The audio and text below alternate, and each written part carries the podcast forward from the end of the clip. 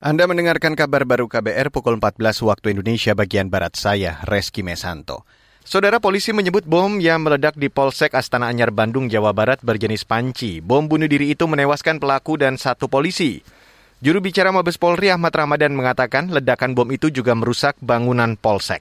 Terkait dengan bom yang digunakan oleh pelaku bom bunuh diri ini merupakan bom jenis bom panci yang daya ledaknya mengakibatkan sebagian bangunan kantor Polsek Astana Anyar Polrestabes Bandung Polda Jabar mengalami kerusakan dan akibatnya juga selain kerusakan terhadap benda atau bangunan juga mengakibatkan korban jiwa.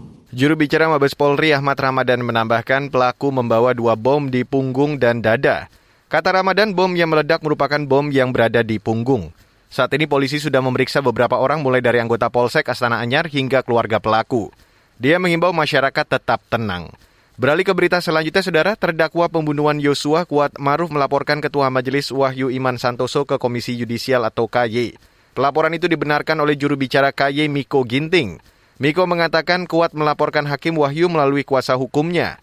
Saat ini KY tengah memverifikasi laporan tersebut. Jika memenuhi syarat akan ditindaklanjuti. Yang pasti, Komisi Yudisial akan memeriksa laporan ini secara objektif. Perlu pemahaman bahwa area Komisi Yudisial adalah memeriksa ada atau tidak adanya pelanggaran etik dan perilaku hakim.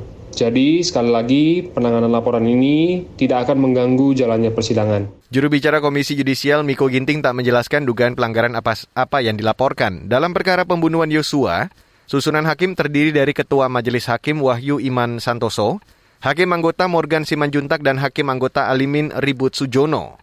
Saudara Anggaran Pendapatan dan Belanja Daerah atau APBD Provinsi Papua 2023 berkurang drastis dibandingkan tahun-tahun sebelumnya. Ketua DPR Papua Joni Banuaru mengatakan, APBD Papua pada 2023 sekitar 2,9 triliun rupiah menurun dibanding 2022 yang mencapai 8,9 triliun rupiah.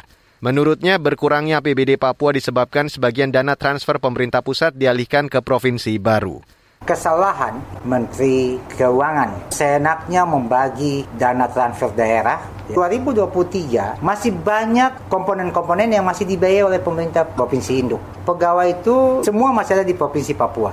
Total pembiayaan adalah 1,1 T. Biaya pendidikan 2022 420 miliar. 2023 kami hanya bisa membiayai 100 miliar. Artinya ini akan menjadi masalah. Kalau masalah ini terjadi, Menteri Keuangan harus bertanggung jawab. Ketua DPR Papua Joni Banuaru menilai pembagian dana transfer pusat ke daerah otonomi baru mestinya dilakukan pada 2024.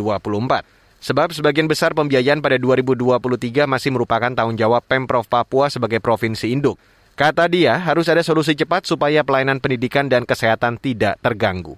Dan saudara, Demikian kabar baru, saya Reski Mesanto.